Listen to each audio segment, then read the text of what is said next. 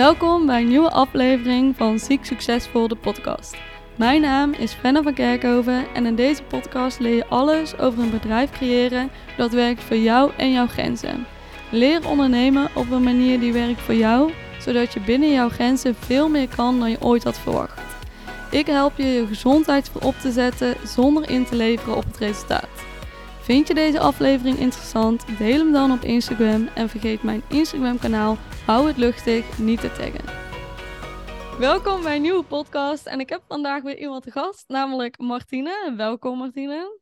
Dankjewel Fenne.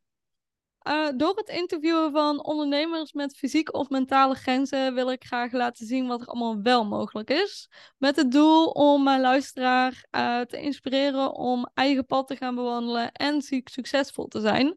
En als iemand zich niet laat tegenhouden door haar beperkingen, is het Martine wel. Ik leerde haar kennen tijdens een project waarbij we samen een workshop gaven. En op mij komt ze over als een hele sterke vrouw met een sterke missie en visie. En wat helemaal matcht bij haar bedrijfsnaam, namelijk MB3 Sterk in gesprek.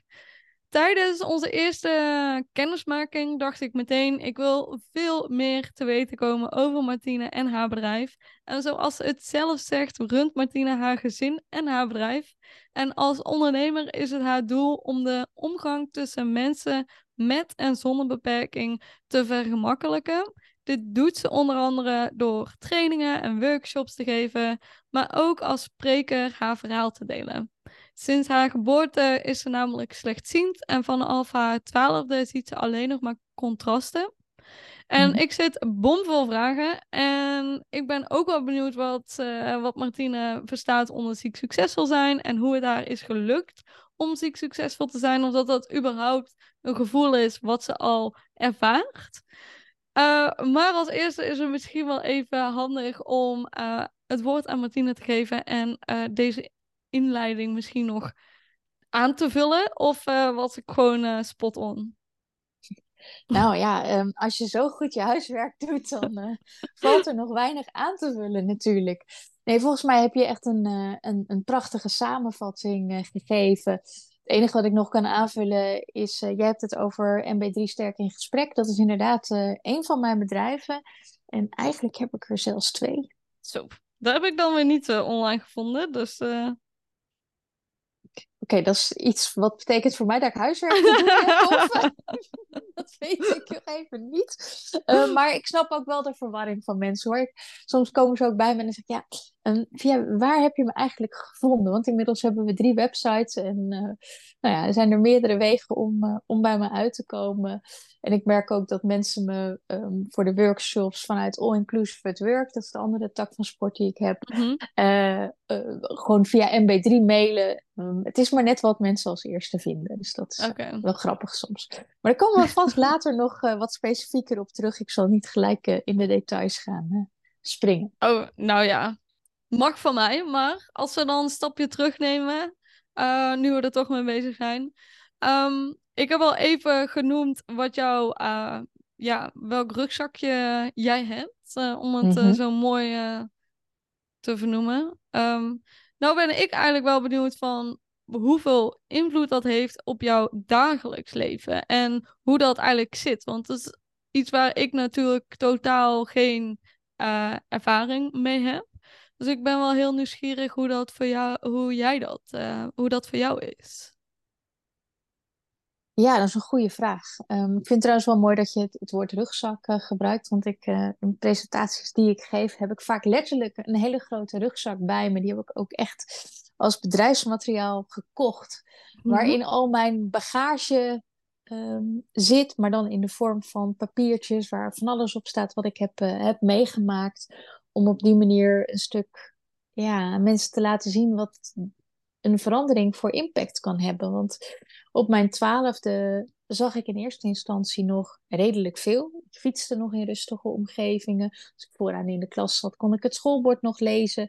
Nou ja, of misschien beter gezegd, na een paar weken het handschrift van de docent ontcijferen. um, maar voor mijn gevoel was dat lezen. En ik had mijn boeken op A3-formaat uitvergroot. En die stonden op een plankje wat mijn opa voor mij gemaakt had, wat rechterop voor mijn neus, zodat ik niet uh, last van mijn nek zou krijgen. maar daarmee ging ik eigenlijk ja, gewoon mee in, in alles wat er, wat er gebeurde op school. En dan komt opeens die verandering dat je denkt, ja, ik, ik zie opeens zoveel minder. Um, ik kon echt niet meer lezen. Ik moest braille gaan leren. Ik moest met een stok gaan lopen. Nou, dat is enerzijds best wel een drempel, want het ziet er niet mhm. uit, zeg ik op ja. plat. Um, en ik noem het altijd mijn gehate, gehate vriendje, de, de tikkende stok. Um, want ik word altijd helemaal getiktakt van dat ding. Um, er zullen mensen die nu niet kunnen zien en luisteren denken, dan neem je een rolpunt. Maar die is niet voor mij gemaakt, want ik hou toch wel van de het te horen van de akoestiek van het getik. Want daar kan ik toch ook wel weer dingen mee. Haat-liefde verhouding, uh, begrijp ja, ik. Ja, ja, ja. Ik ben heel blij dat ik uh, nou, niet zo heel lang een blinde geleidehond heb gekregen. Dat heeft echt mijn, uh, nou ja, mijn wereld wel vergroot. Um, maar in het kader van het, uh, het stapje terug, um, er verandert heel veel. Um, en ja, dat heeft heel veel invloed. Toch als ik naar nu kijk, mm -hmm. vind ik het ook altijd een lastige vraag. Van waar heeft het nou invloed op? Want eigenlijk doe ik bijna alles. Je hebt al gezegd, ik, ik run een gezin. Ik heb een, ik heb een puberdochter en ik heb een puberzoontje. Um, er zit bij ons een vrij groot leeftijdsverschil uh, tussen. Sommige cadeautjes komen heel laat, zeg ik wel eens. um, en dat is superleuk. Alleen, uh, ja, het, het, het, brengt hele andere vraagstukken weer met zich mee. En aan de andere ja. kant, um, nou ja, samen met mijn partner hebben we zo'n verdeling dat het eigenlijk altijd wel, wel lukt. En toch aan de andere kant zijn er dingen die mij gewoon meer energie kosten. Als ik met onze jongste op pad ga, ehm, dan kost dat mij meer energie, omdat ik op een andere manier moet opletten. Mhm. Of hij nog bij mij in de buurt is, um, of uh, waar we zijn, dan wanneer je dat doet wanneer je wel kan zien. Ja. Aan de andere kant heeft het ook weer het positieve effect dat ik heel bewust bezig ben met, met waar we zijn en wat we doen. Um, nou ja, wat misschien ook weer juist positief uh, werkt. Ja. Sommige mensen zien dat niet zo. Die vinden dat dan weer van, oh, weet je, het kind is zielig, heeft een knuffeltuigje om en met een lange staart. En zo weet ik uh, nou ja, op dit moment nog waar die uh, goed in de buurt is. En vooral als we bijvoorbeeld op het station lopen, vind ik dat een stukje extra veiligheid. Mm-hmm. en dat vind ik heel, heel belangrijk. Maar dat is wel ook een stukje omgaan weer met hoe kijken andere mensen daar naartoe. Ja. Um, en waar ik het, nou ja, ik kan soms jaloers zijn op mijn man die onze jongste even naar de opvang brengt. Um, voor mij is dat gewoon, hij doet het in 20 minuten heen en weer. En als ik ga lopen, doe ik er 20 minuten over om erheen te komen. En 20 minuten terug. En ben ik zo bijna een uur weg. Um, aan de andere kant, ik doe het gewoon. Um, op het moment dat je daar niet bij stilstaat, is het, um, ja, is het, voor, het is voor mij gewoon. En dat is denk ik wat heel anders is. Ook als ik in huis kijk, dan zeg iemand, ja, heb je veel aanpassingen thuis? En dan moet ik echt drie keer nadenken. Geloof dat de weegschaal, zowel in die keuken als, in de, als, als de personen weegschaal in de badkamer, die praten tegen me. um, en verder. Nou, ik weet het eigenlijk echt niet. Uh, maar ja, mijn, is het zo'n... Zoveel dingen al. Uh, ja. Daarom heb je net je laptop dicht gedaan.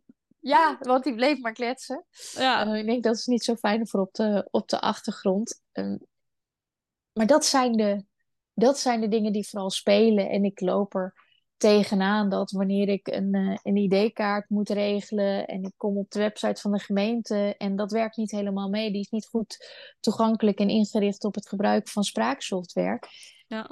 ja, dan komt de frustratie omdat ik dus niet de gewone dingen voor mijn gezin kan organiseren. Of omdat de website van de verzekeraar niet toegankelijk is en ik dus niet ook um, even, vooral dat even, ja. um, een bon kan indienen. Ja. Allemaal um, van die dingen die voor veel mensen ook wel tijd kosten, maar meer in het ik doe het even zitten. En natuurlijk is administratie zijn een heleboel dingetjes bij elkaar die je moet doen. Maar die kosten bij elkaar voor mij echt bakken met tijd en energie. Omdat er gewoon veel dingen zijn waar je tegen een soort blokkade loopt of extra dingen moet doen om te zorgen dat je het voor elkaar krijgt of extra lang in de wacht zit. Ehm, omdat je moet bellen in plaats van dat je het online kunt regelen.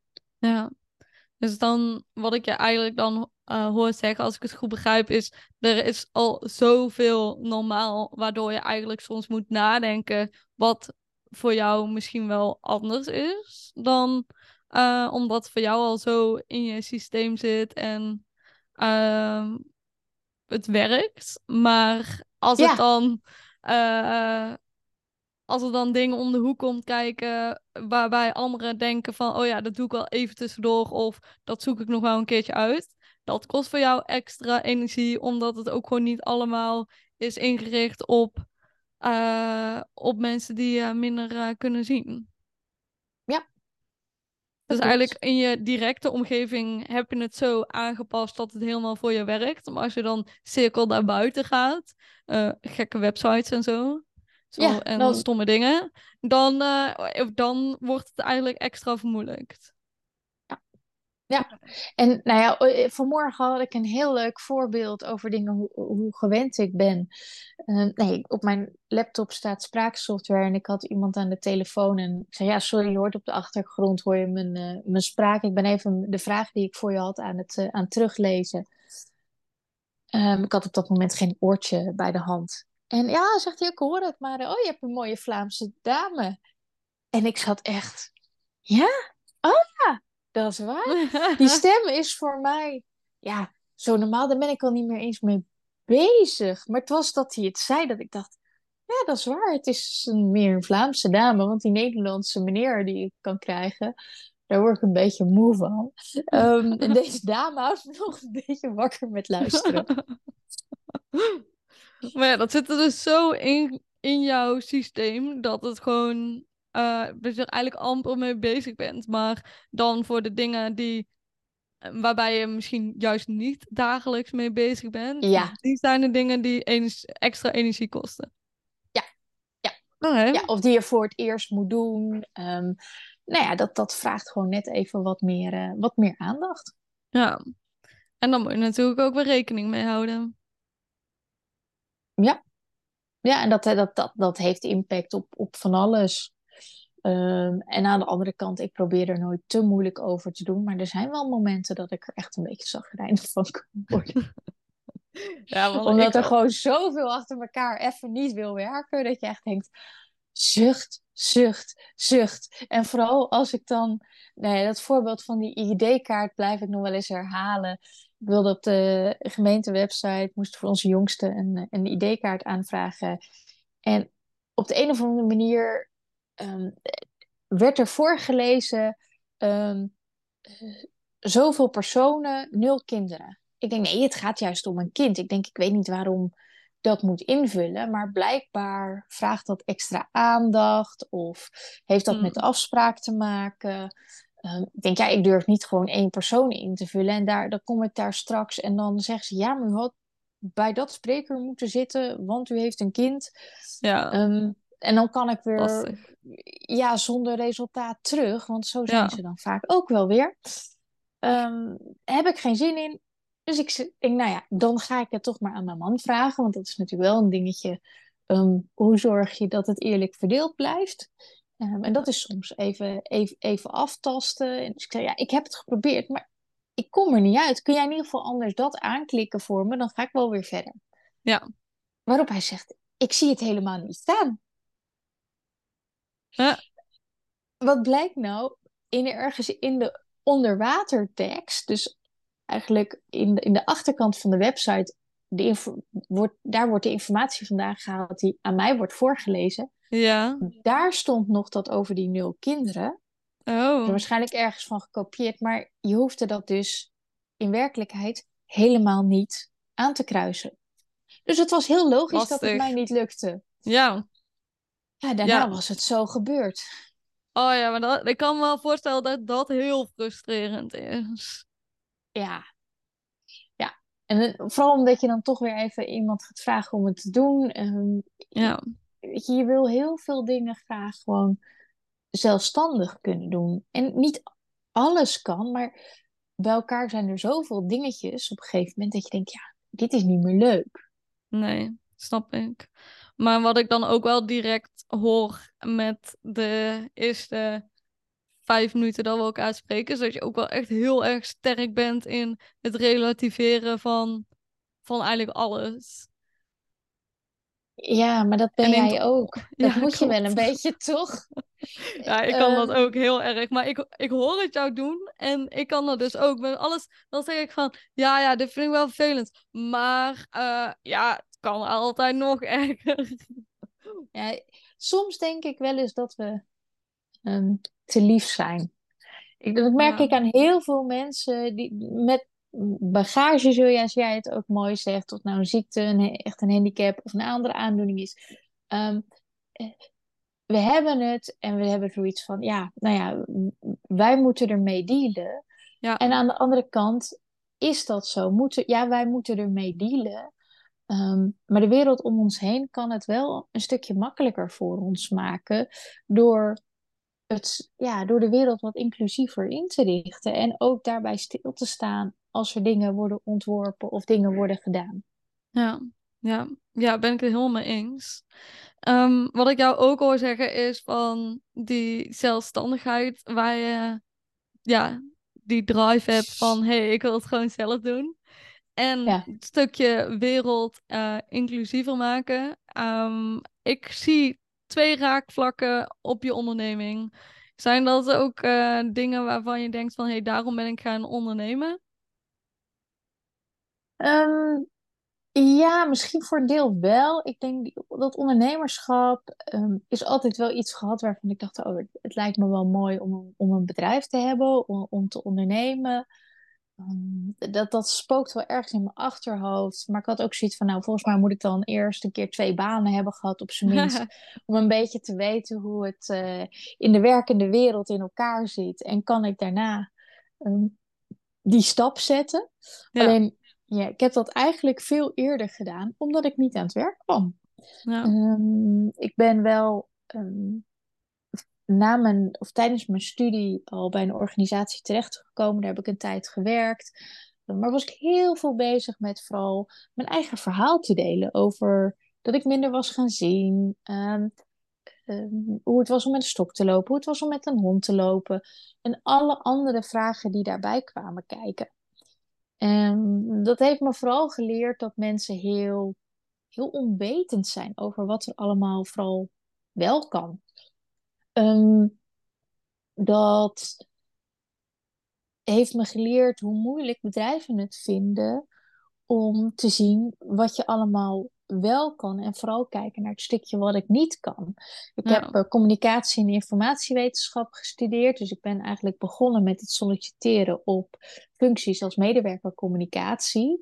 Mhm. Ja, je moet meestal wel dat een vrij la het laagste niveau. Um, dat doe je omdat je vanuit je studie komt. Je moet nog werkervaring opdoen. Ja. Prima, um, ga ik doen. Het enige was wat er al heel vaak bij stond bij die vacatures was drukproeven controleren. Nou, echt, Fenna, ik kan echt superveel, maar dat lukt me niet. Nee, dat snap ik. Ehm, en ik heb zelfs nog kunnen zien, dus ik heb nog een aardig beeld van de wereld om me heen. En ik heb nu ook nog wel eens dat ik zeg: nee, dat tekstje moet daar. En dat mensen dan zeggen: Goh, dat was eigenlijk best een goed idee van jou. Um, iets in mijn hoofd maakt dat beeld nog wel. Alleen ja, drukproef controleren, dat werkt gewoon niet. En dan opperde ik wel van, kan je dat dan niet aan een andere collega overlaten? Ehm, maar dat was altijd heel ingewikkeld. En ik heb um, op een gegeven moment, omdat ik, ja, mijn werk werd wel heel veel hetzelfde. En ik merkte dat ik echt wat meer nieuwe uitdaging nodig had. En ik had tijdens mijn studie heel veel met gesprekken gedaan en echt wel alle vakken gevolgd om een beetje specialisatie uh, gespreksanalyse te doen. Mhm. En ik dacht, weet je, ik, ik, moet nog iets gaan doen om meer die kant uit te kunnen. En uiteindelijk is dat een opleiding tot mediator geworden. Okay. Waarin je dus met conflicten aan de slag gaat. Voor mijn gevoel was dat op dat moment wel het hoogst mogelijk ingewikkelde om, uh, ja, als het om communicatie gaat. Nou, ja. Het is zeker een ingewikkeld stuk. het is echt een vak apart. Absoluut, absoluut. Um, nou ja, en ik weet nog wel dat ik um, belde van ik wil aan deze opleiding meedoen. Het was een week voordat de opleiding startte, of anderhalve week. Dus een heel kort dag. Maar ik dacht, ja, klinkt goed, vlak in de buurt. Um, ik wil het gewoon gaan doen. Ik ga niet nog een half jaar wachten, want ik wil gewoon nu ook met wat anders bezig kunnen zijn. Dus ik belde het was van, ja, ja, we hebben eigenlijk geen tijd meer voor een intake, maar vertel. Nou, ook verteld dat ik niet kan zien, of minder goed kan zien, hoe je het wil, hoe je het wil noemen. En ja, nou, dat, dat, dat hadden ze geen ervaring mee, niet negatief tegenover, maar werd me wel gezegd van, ja, weet dat in het mediation vak non-verbale communicatie heel erg belangrijk is. Dat is echt essentieel om dit vak te kunnen doen. Mhm. Dus ja, ik kan jou niet beloven dat jij straks ook echt een goede mediator kan worden, maar ik kan je wel beloven dat je heel veel in de opleiding gaat leren. Oké. En dat was zo'n moment waarvan ik dacht, nou, dat gaan we nog wel eens zien. Ja, inderdaad. um, nou ja, dat is ook gebeurd, want eigenlijk denk dat de derde of vierde les was dat, mm, ja, de derde eerder, dat een van die docenten al zei: Ja, maar hoe kun jij deze emotie teruggeven? Ik zie het nog niet eens bij hem. Zeg, ja, maar je hoort hem toch dat en dat zeggen? Ja. Ja, dat is waar. Ik zeg, dan weet je dat toch al, dat die, dat die emotie er zit. Die uiting die komt eigenlijk later pas. Je hoort hem al aankomen. Mhm. Dat was wel een hele wijze les van... Als je echt heel goed naar gesprekken kan luisteren... en de manier waarop mensen praten... Ja, dan hoor je wat mij betreft misschien nog wel meer... dan dat je wanneer mensen naar mensen kijkt. Maar ik denk dat... Ik weet zeker dat er mensen zijn die luisteren en die denken... Nou, dat ben ik nog niet helemaal met je eens. Nou. Um, maar nou ja, ik ben Ja. daar wel redelijk van, eh, van overtuigd. Ja. Um, tuurlijk kan non-verbale communicatie ook heel vertel veel vertellen, maar je kan ook in je echte communicatie, in wat je zegt, kun je het wel voor een deel Ja. verbloemen, maar niet in hoe Niet je het alles. zegt. Nee, ik denk dat mensen ehm, vergeten vaak ook echt te luisteren. Mensen gaan vaak het al tussendoor al invullen en hun eigen ervaring erop eh, projecteren. En Ja. als je dat kunt l- loskoppelen van wat iemand echt zegt eh, en daar echt alleen op focussen, dat dat super waardevol is, maar ook heel moeilijk. En daar heb je helemaal gelijk in. Vooral dat zonder oordeel luisteren en, en die ervaringen, dat noem ik vaak het referentiekader wat mensen hebben. Um, en dat is wat ik ook wel heb geleerd in, in alle ervaringen die ik heb opgedaan tijdens mijn studie um, en tijdens mijn werkende tijd. Mensen hebben gewoon heel snel vanuit hun eigen ervaring, uh, wat ze in de krant hebben gelezen, uh, mensen in de eigen omgeving, hebben ze een beeld over mensen met een handicap of een ziekte Ja. of een misschien zelfs een hele specifieke zelfde aandoening. Maar niet Mhm. iedereen is hetzelfde.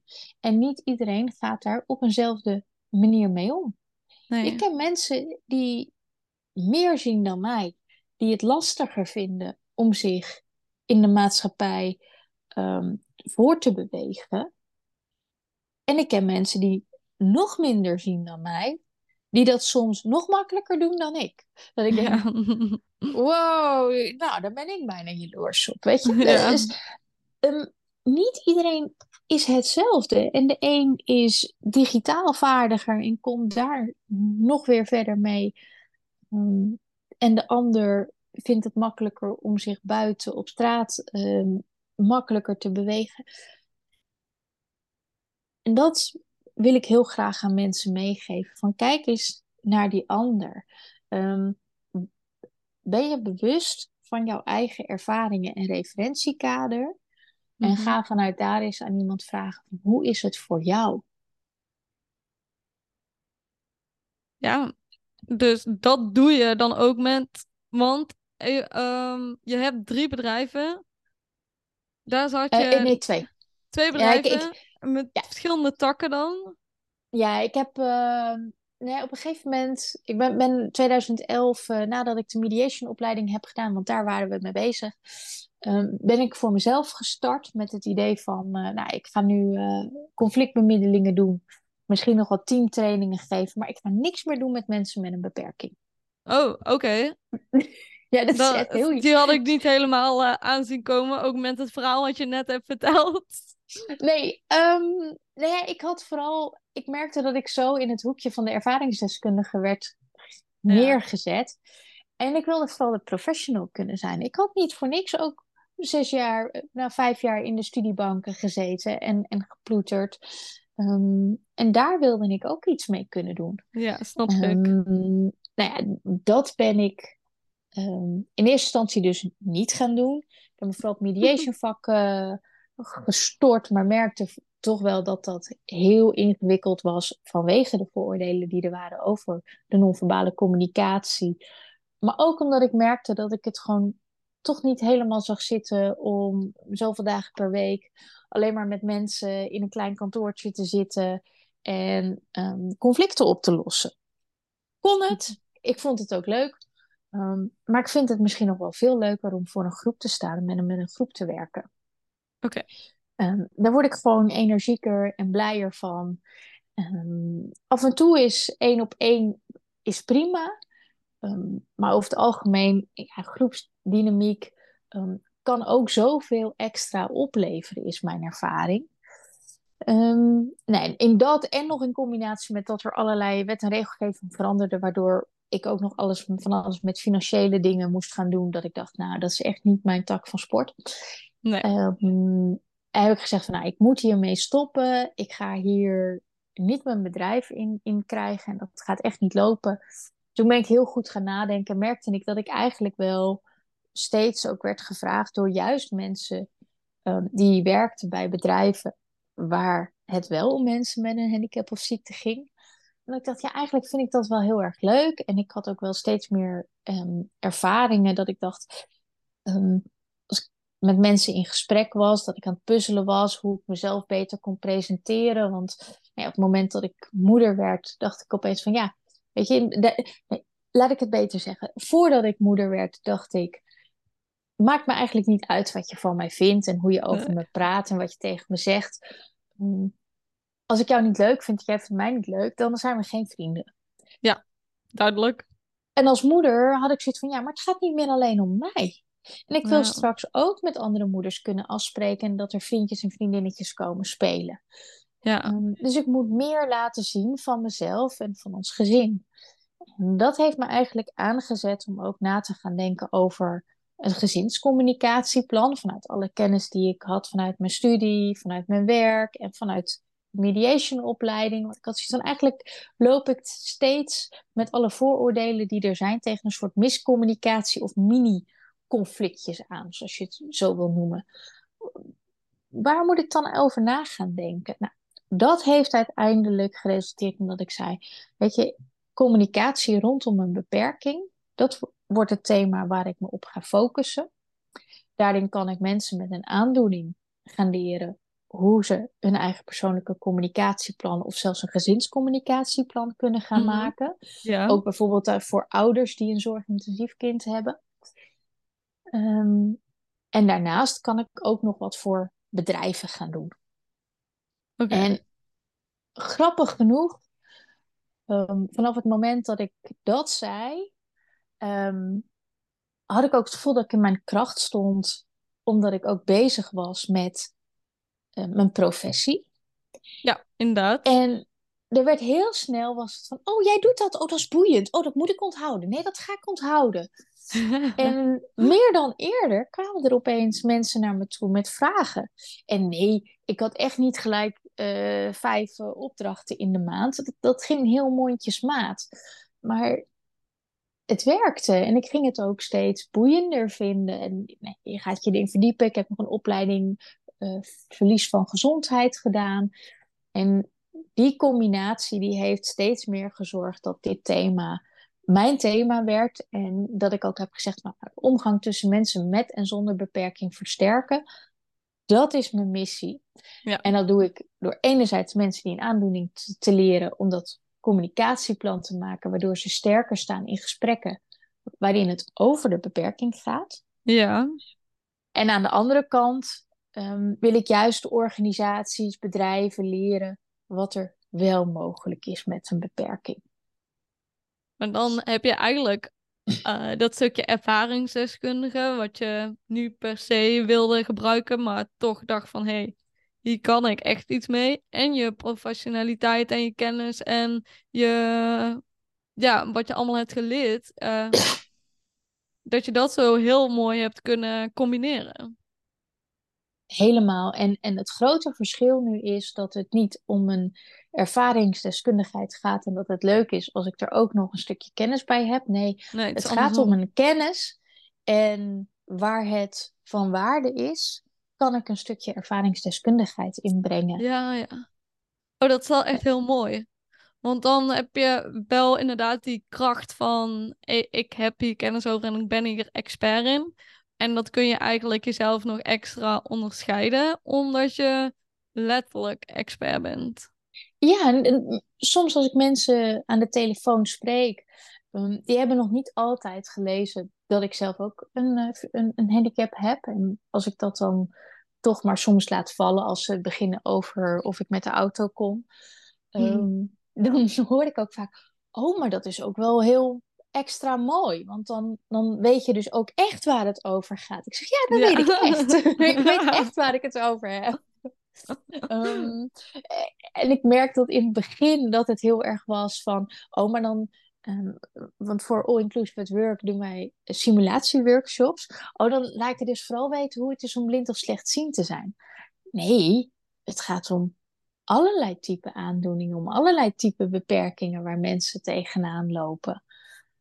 En dat, dat is het enige wat ik nog wel eens even moet benadrukken: dat ik niet alleen met mijn eigen beperking bezig ben, maar juist ook met die van anderen. Alleen juist omdat ik zelf ook die beperking heb, is het wel um, makkelijker om me te verdiepen in de ander. Ja, snap ik. Um, niet dat ik weet hoe het is om MS, autisme, nou, peridinos, verzin, verzindingen uh, te hebben. Dat weet ik niet, maar ik weet wel de vragen die ik aan mensen moet stellen. En ze durven zich wel open te stellen naar mij en te vertellen hm, wat het voor hun betekent en waar dat zich in uit en hoe mensen daarmee omgaan. Ja. En dat stukje, dat verwerk ik weer in mijn trainingen om te zorgen dat die ervaringen ook terugkomen. Want ik hou niet van uh, mensen even in een rolstoel zetten en een rolstoel challenge doen. Eh, dat is niet mijn nee, nee, nee, van ervaringen dat is niet jouw uh, stijl. Um, dus, als ik het goed begrijp, je hebt twee bedrijven. Um, um, en je bent ook bezig met iets nieuws. Uh, hint, hint, online training. ja. Vertel. Ja. Nou, er was eens een tijd die corona heette. Oh, nou, die heb ik even gemist, toch? ja. en toen uh, kwam het redelijk stil te liggen hier. Um, dat was enerzijds fijn, want in die periode um, is ook onze jongste uh, geboren.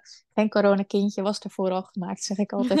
even met een leuke noot bij. Um, maar het was wel een periode waardoor ik dacht van ja, hoe gaan we nu onze workshop vormgeven. We hebben op dat moment zelfs een online ervaring kunnen maken. Dat was een hele puzzel, maar het is wel gelukt. Tuurlijk ervaar je daarin minder dan wanneer je een live ter plekke ervaring kunt, uh, kunt maken. Dan heb je veel meer materialen bij de hand. En ik had zoiets van, ja, eigenlijk moet ik nu wel eens een keer ook dingen online gaan zetten. Um, meer kennis eigenlijk bundelen. Nee, ik kan een boek gaan schrijven. En ik dacht, nou, vind het mooier om dat met een online training te doen. Ook misschien zodat alle, alle kennis die ik nu heb, dan ergens staat. En ik straks misschien ook weer een stap verder kan gaan maken voor mezelf. Ja. Um, op dat moment ben ik over een online training gaan nadenken. En gaan nadenken van ja, wat wil ik daar vooral in bereiken? wat ik heel veel ervaarde is dat, nog steeds ervaar is dat organisaties bezig zijn met inclusie. Alleen dat doe je even. Je hebt even ook een training van ons. Um, maar wat doe je er daarna mee?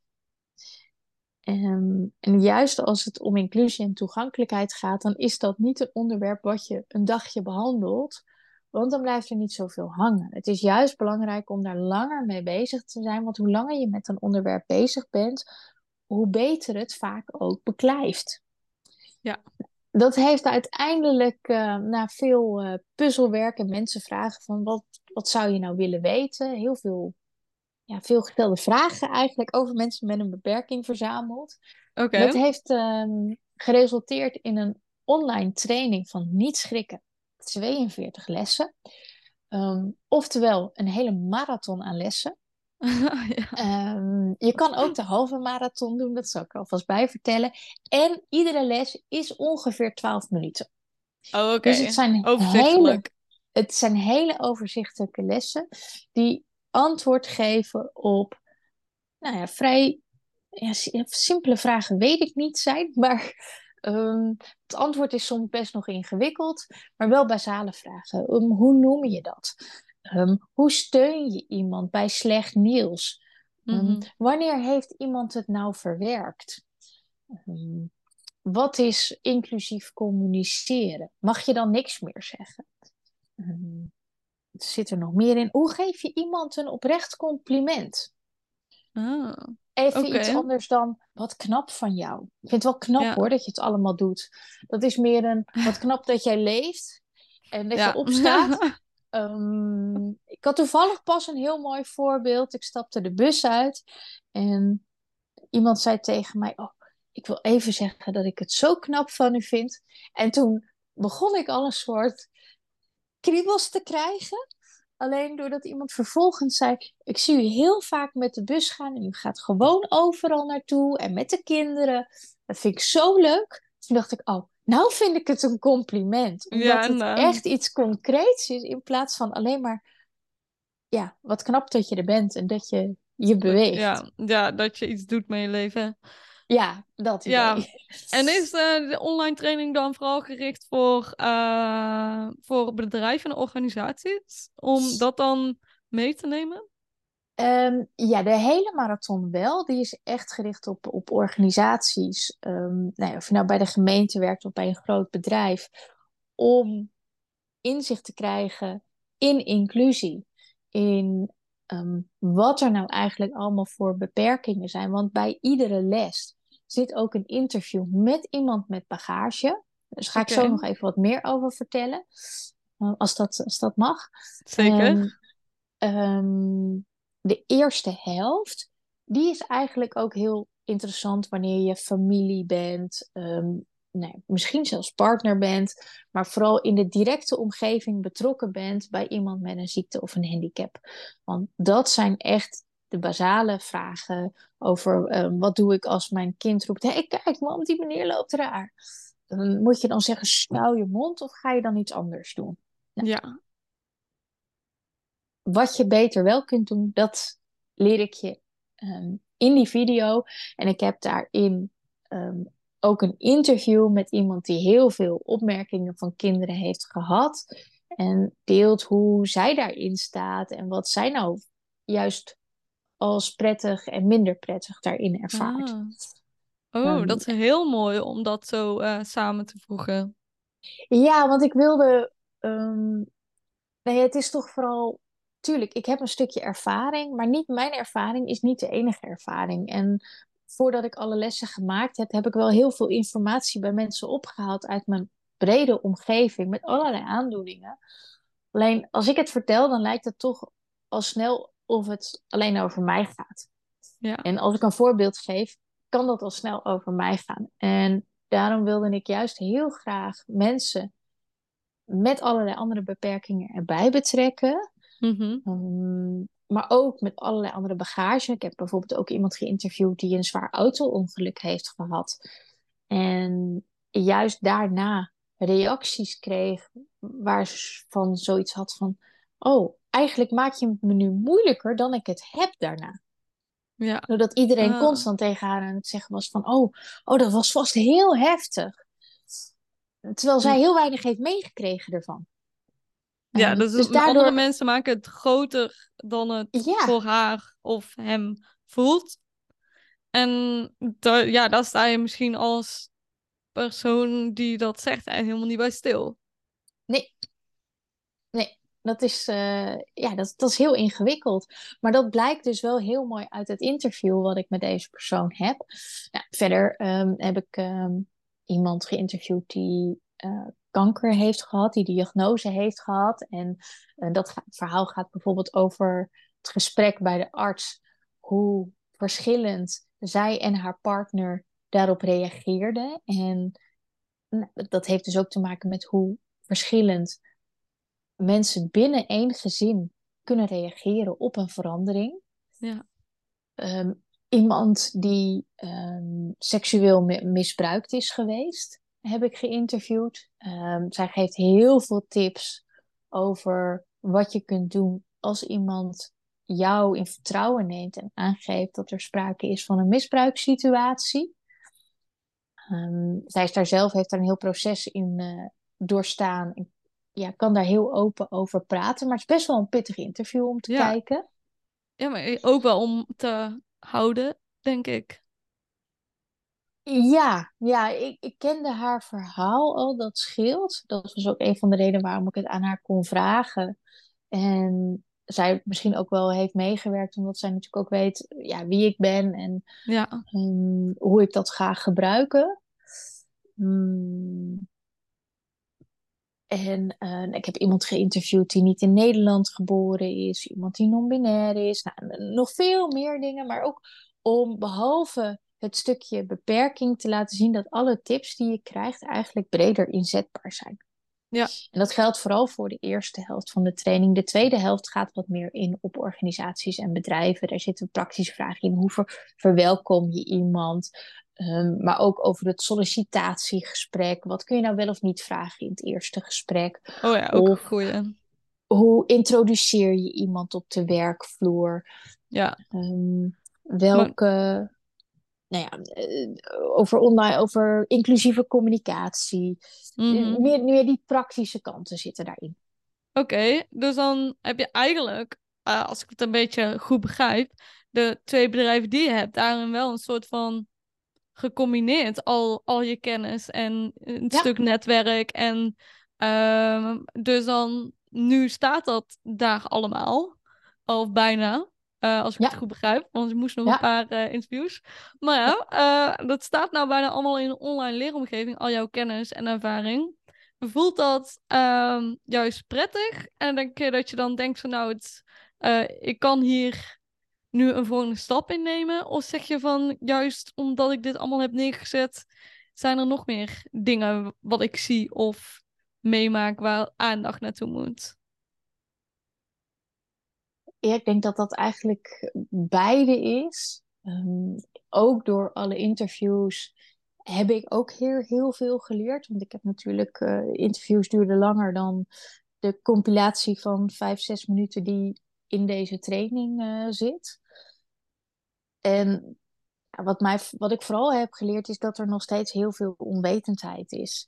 En ehm, als we het over dromen hebben, dan is toch nog wel een van mijn dromen om nog betere simulaties eh, op te zetten en misschien zelfs een ervaringscentrum op te zetten, waarbij je echt kan leren van, ehm, nou, dit is er, zo werkt een goed lichaam, maar Mhm. op deze manier werkt een lichaam wat niet vo- volkomen 100% volmaakt is.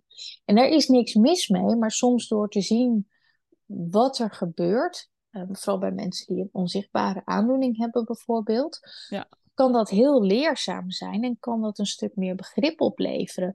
Maar ook ervaringen op het gebied van, ehm, nou ja, bijvoorbeeld voor mensen die in, bij de gemeente de voorzieningen verstrekken. Ehm, wat heb je nou wel of niet nodig en wat betekenen die voorzieningen voor mensen? Ja, Dat zijn dingen die ik wel heel graag zou willen laten ervaren. Maar daar heb ik eigenlijk meer ruimte voor nodig dan ik nu in mijn eh 2,5 meter kast eh, heb. eh. en ik ben nog aan het kijken wat voor vorm ik daarvoor kan bedenken. Ik hoor heel veel mensen die zeggen van ja, je moet dat wel mobiel houden. Dat snap ik heel goed. Alleen ik kan nog niet zo goed voor me zien hoe ik dat telkens ergens kan organiseren op een locatie die niet hetzelfde is. Ehm, dus nee, dat... dat Oké, maar dat is wel een uh, ambitie. Uh, ja, dat, ja, dat is een hele grote ambitie waar ik al wat langer uh, mee bezig ben. Oh, gaaf. Dus als er mensen zijn die luisteren en denken van nou, daar kan ik wat mee of daar voel ik me toe aangesproken, dan moeten ze me even contacten. is goed. Nou, iedereen weet je nou te vinden. Um, we hadden het te beginnen al wel even over. Even totaal, ja, niet totaal andere vraag, maar een ander onderwerp even. Um, succesvol zijn. Ik vind, jij komt voor mij over als een hele sterke vrouw eh, met een uh, lekker goed lopend bedrijf wat ook sterk en stabiel en lekker gaat. En jij komt over als een iemand met een hele sterke missie en visie. En je bent communicatief ook heel sterk. Wat ook wel logisch is, want ja, dat is je vak. Maar. uh, um, hoe ervaar jij dat zelf? Ervaar jij, uh, om terug te komen op de podcastnaam, ervaar jij dat je ziek succesvol bent? Ja, dat is altijd een hele ingewikkelde om, uh, ja, heel ingewikkeld onderwerp, want wanneer ben je succesvol? Nou, laten we dat ehm. eerst, eerst even beantwoorden. Wat is jouw definitie van succes? Ja, ik denk dat dat voor iedereen anders is. Dat is zeker. Dat het voor iedereen anders mag zijn. Ehm, maar dat het wel voor jezelf fijn is om dat ook vast te stellen. Ja. Um, Heb jij dat voor jezelf vastgesteld? Ja, nee, ik wil in ieder geval echt wel kunnen, kunnen leven van mijn, van mijn bedrijf. Ehm, en daar nog steeds harder in, in, in blijven groeien. Ehm, en inmiddels kan ik zeggen dat dat ook um, nou ja, vrijwel goed lukt. Het enige nadeel wat ik heb is dat ik, uh, ik heb ook mensen in dienst. Omdat ik mhm. gewoon niet alles zelfstandig kan. Mede omdat ik niet kan zien. Ehm, dat heeft gezorgd dat dat wat langer heeft geduurd, omdat dat gewoon kosten met zich meebrengt. Ehm, maar dat vond ik de investering waard. En die, uh, ja, dat begint zich nu enorm uit uh, te lonen. Ik weet dat we voor uh, corona draaiden we een heel goed jaar dat ik dacht, wow, um, dat ik deze omzet zou halen. Dat had ik niet durven dromen. en inmiddels, uh, vorig jaar zaten we daar al dicht tegenaan. En inmiddels durf ik wel te zeggen dat we dit jaar er dik overheen gaan. Nou, lekker. En ja, dat, dat voelt voor mij wel als, als succes. Dat mensen je herhaaldelijk blijven inhuren. Um, dat er ja, dat ik gewoon soms na vijf jaar word teruggebeld. Ja, ja, ik heb toen die workshop bij me gedaan, dat weet ik nog steeds zo goed. En ik wil, ik zit nu op deze functie. En nu dacht ik, ja, nu moet ik Martine bellen. Nu kan ik je inzetten. ja, inderdaad. Oh ja, dat is wel gaaf, ja. Dat mensen je ook echt op waarde schatten.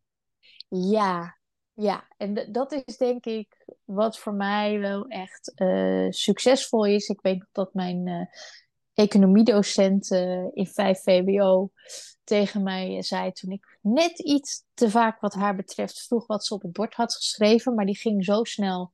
Ik kon echt heel snel typen, maar dat kon ik niet bijhouden. En vooral niet als dat dan om sommetjes gaat. Dat is echt heel ingewikkeld. Ehm, en het was al niet mijn beste vak, dat geef ik ook toe.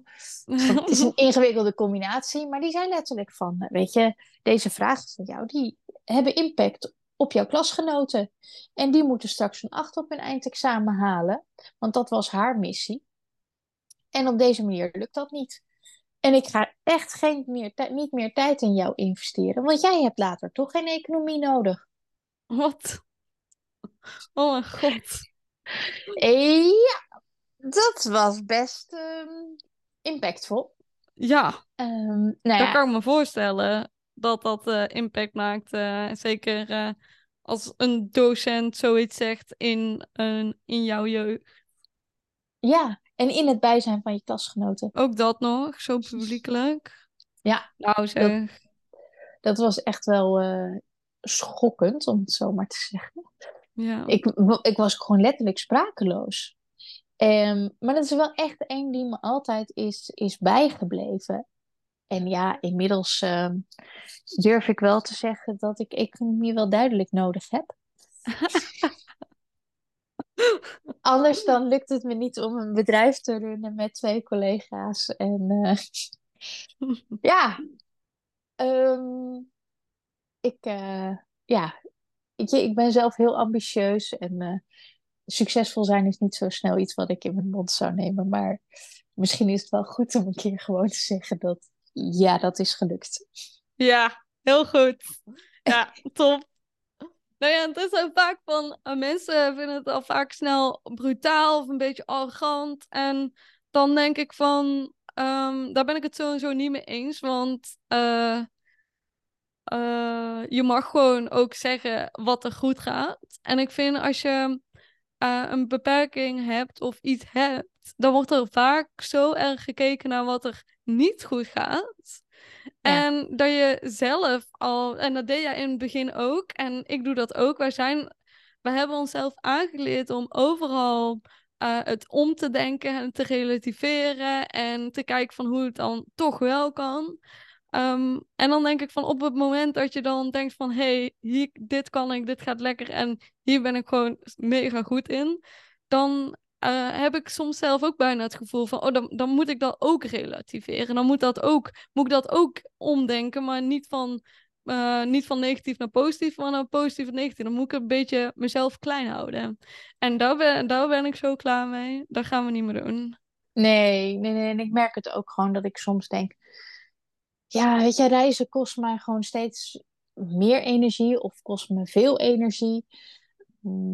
Dat ik denk, ja, het is leuk als je wil dat ik naar je toe kom. Ehm, maar dat neem ik ook mee in mijn, in, mijn kostenplaatje. En natuurlijk niet voor, voor vol tarief. Maar ehm, het, het moet me wel ook iets opleveren. Want ook dat is mijn, mijn energie.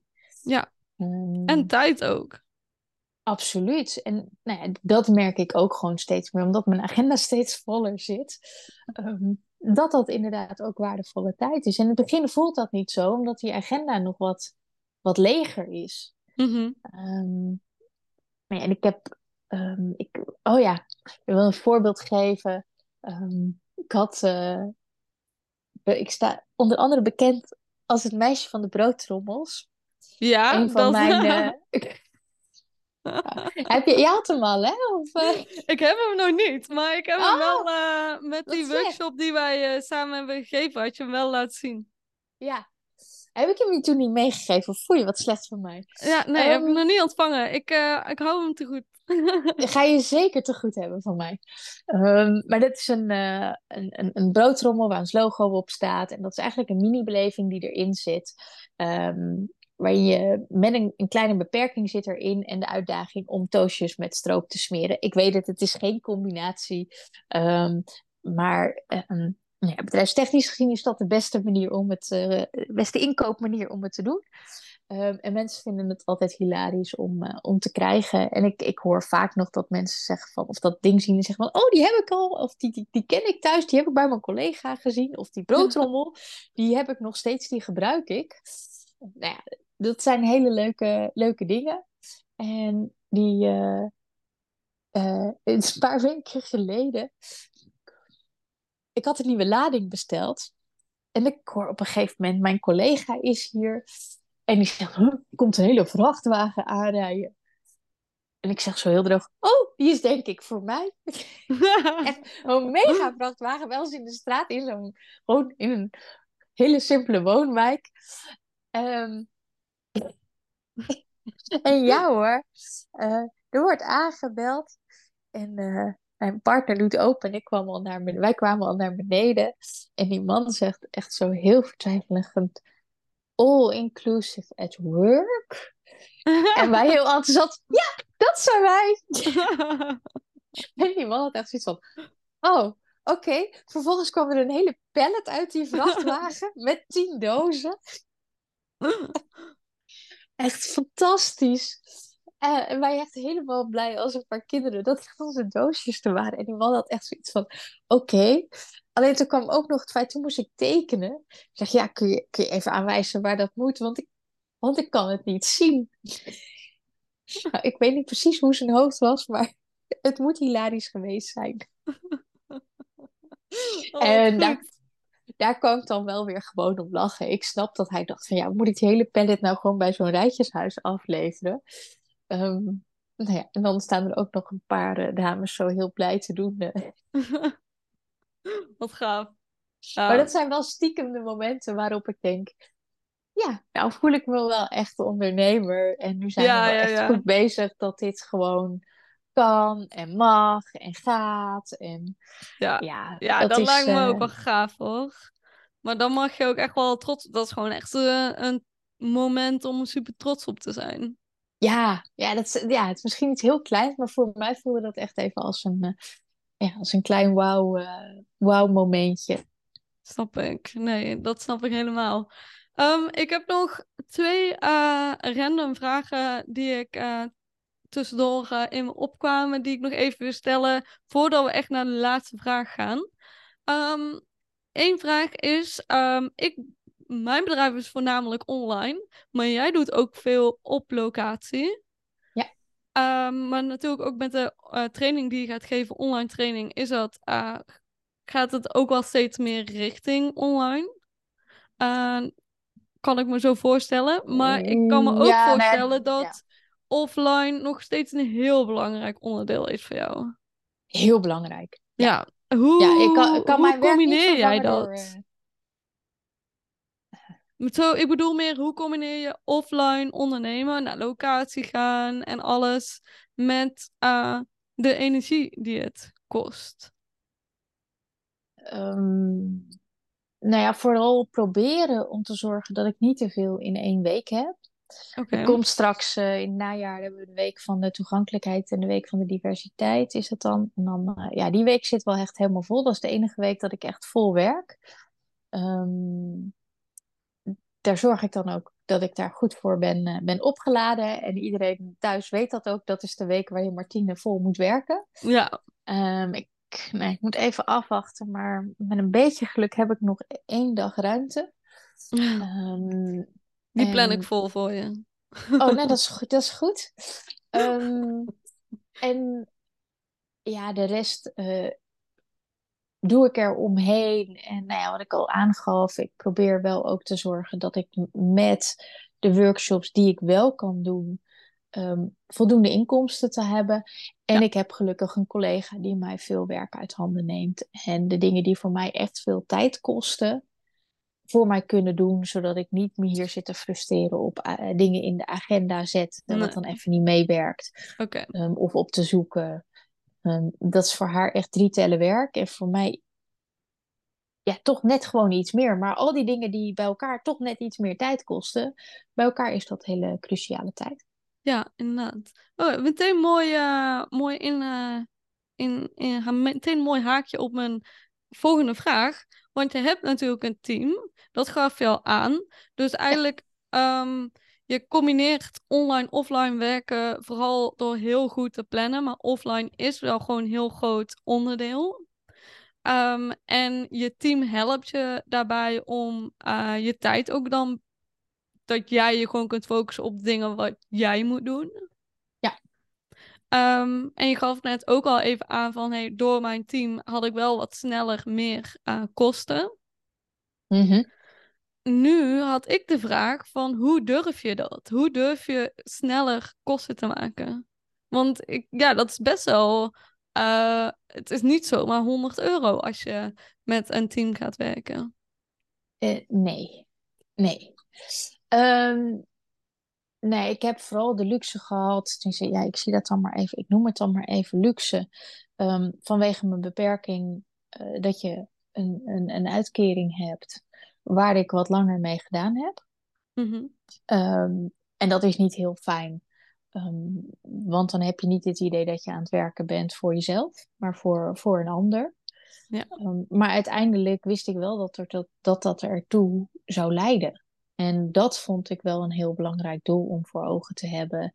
En gewoon eerlijk te zijn naar mezelf. Van, weet je, dit, dit moet je niet van jezelf willen vragen. Dit is niet eerlijk. Nee. Ehm, en door op deze manier ja, maakte ik gewoon heel veel kosten ook. Dus ja, blijft je winst ook minder hoog. Maar uiteindelijk levert het het wel op. Want als er meer tijd, als ik meer tijd kan investeren in klanten bellen, ehm, contacten onderhouden, wat ik eigenlijk niet eens zo heel veel doe, um, zou ik nog meer tijd voor moeten hebben. Uh, maar dan kan ik wel de tijd besteden aan de dingen die ik wel echt moet doen. Ja, inderdaad. Dus eigenlijk dan vooral uh, lange termijn uh, visie en uh, prioriteit stellen, als ik het goed begrijp. Mm. Oké, maar dat, ja, ik vind dat heel knap om uh, dat te kunnen doen als ondernemer, om überhaupt lange termijn visie te hebben en daarin te dromen. Maar ja, wat je eigenlijk al had gezegd, je bent ook super ambitieus en je hebt een ambitie voor ogen. Dus ja. Ja. um, dat laatste... Ja, dat helpt wel. Laatste vraag. Uh, wat is uh, je nummer uh, één tip voor andere ondernemers? Doen, doen, doen. En probeer iedere dag uit je comfortzone te stappen. En of dat nou is dat ene belletje plegen, wat je eigenlijk heel spannend vindt, dat hogere bedrag vragen, wat je eigenlijk heel spannend vindt. Um, uh, iets niet doen, het maakt me niet uit. Um, het kan echt iets heel kleins zijn, maar doe het. Want ondernemen gaat alleen lukken als je durft te groeien. Ook niet letterlijk in de zin van je bedrijf laten groeien, maar letterlijk zelf groeien, persoonlijk groeien door dingen toch te durven en te doen. Hmm. Dat is wel echt heel mooi. En dan heb ik toch nog een aanvullende vraag. Dus het was toch niet helemaal de laatste vraag. um, is dat dan, helpt het dan ook uh, om daarin je lange termijnvisie te hebben? Om je ambitie voor ogen te hebben? Zeker. En ook gewoon nog een echte missie voor ogen te hebben. En geloof me, ik heb ook echt dagen dat ik denk, ik stop ermee. Ik ben er klaar mee. En die horen er ook gewoon te zijn en die mogen er ook zijn. En het gaat, ik heb ook wel eens een slechte review gehad. En die horen er ook bij. En daar kun je alleen maar weer van leren. Um, en dat zeg ik nu heel makkelijk, maar geloof me dat ik me nog echt wel eens rot heb gevoeld. Ja, maar niet laten, niet laten tegenhouden. Nee, en vooral ook zien wat er wel goed gaat. En, en durven kijken van, hé, hey, wat kan ik dan anders doen? Wat kan ik dan beter doen? En ook soms gewoon bij, erbij blijven. Weet je, een slechte review kan ook gewoon iemand zijn dat die ene persoon het niks vond. Dat het voor die persoon niet de workshop was. Um, terwijl de rest het wel zo had. Dus soms moet je dingen wel even in perspectief zien. Ja, oké. Ja, dat vind ik heel mooi. Laten we daar gewoon mee afsluiten. Voordat we weer uh, twintig minuten verder... Uh, kletsen. Um, want dat kunnen we nogal goed. Um, bedankt Martina voor je tijd, je energie en je moeite. En vooral bedankt voor het delen van je uh, verhaal. En al deze wijze lessen, tips en adviezen. Um, Jij, ja. dank je wel voor, uh, voor het fijne gesprek. Alsjeblieft. Bedankt voor het luisteren.